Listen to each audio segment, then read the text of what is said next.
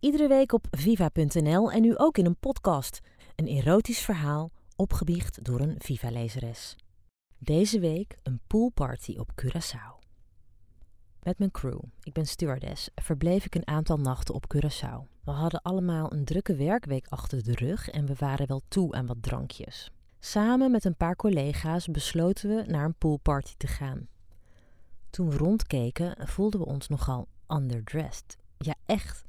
We hadden onze leukste bikinis aangetrokken, maar alle andere meiden hadden die juist verruild voor een sexy outfit.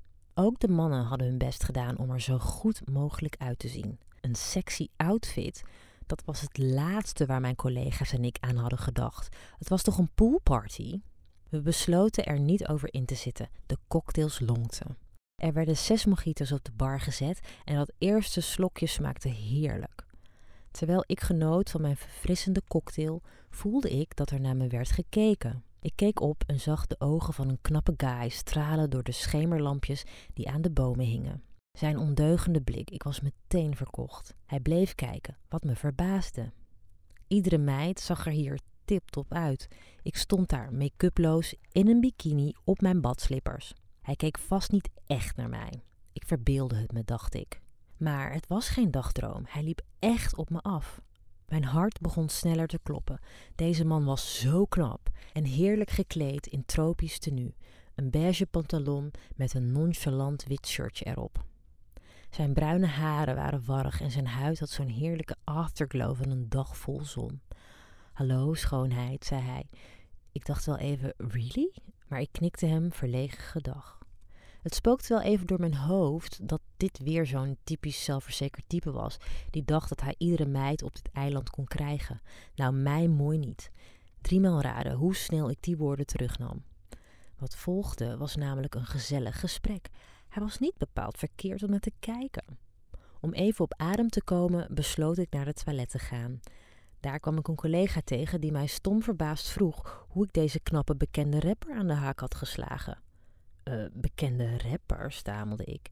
Ik wist van niets. Ik liep terug en daar stond hij, te wachten op mij. Zijn pantalon en zijn shirt had hij omgeruild voor een zwembroek. Ik staarde naar zijn gespierde torso, zijn gespierde armen, zijn gespierde alles. Zijn zongebruinde huid was nu nog beter te zien. Vragend staarde ik hem aan. Ik heb medelijden met jou dat jij hier als bijna enige in je bikini staat, dus ik doe lekker met je mee, zei hij. Ik moest lachen, schopte mijn teenslippers uit en sprong het zwembad in. Ik hoorde dat hij me volgde, maar toen ik boven water kwam, zag ik niets. Oh nee, sta ik nu voor paal? Het duurde enkele seconden, maar toen voelde ik zijn gespierde lichaam achter me. Hij trok me tegen zijn natte borstkast aan en fluisterde in mijn oor: Mag ik je nu zoenen? Ik keek naar zijn sprankelende ogen en naar zijn lichaam. Hoe kon ik hier nu nee tegen zeggen? Ook al was ik vast en zeker niet zijn enige, who cares? Dit was wat ik op dat moment wilde en nodig had. En dus werd deze nacht een hete zomernacht, vol vurigheid en passie.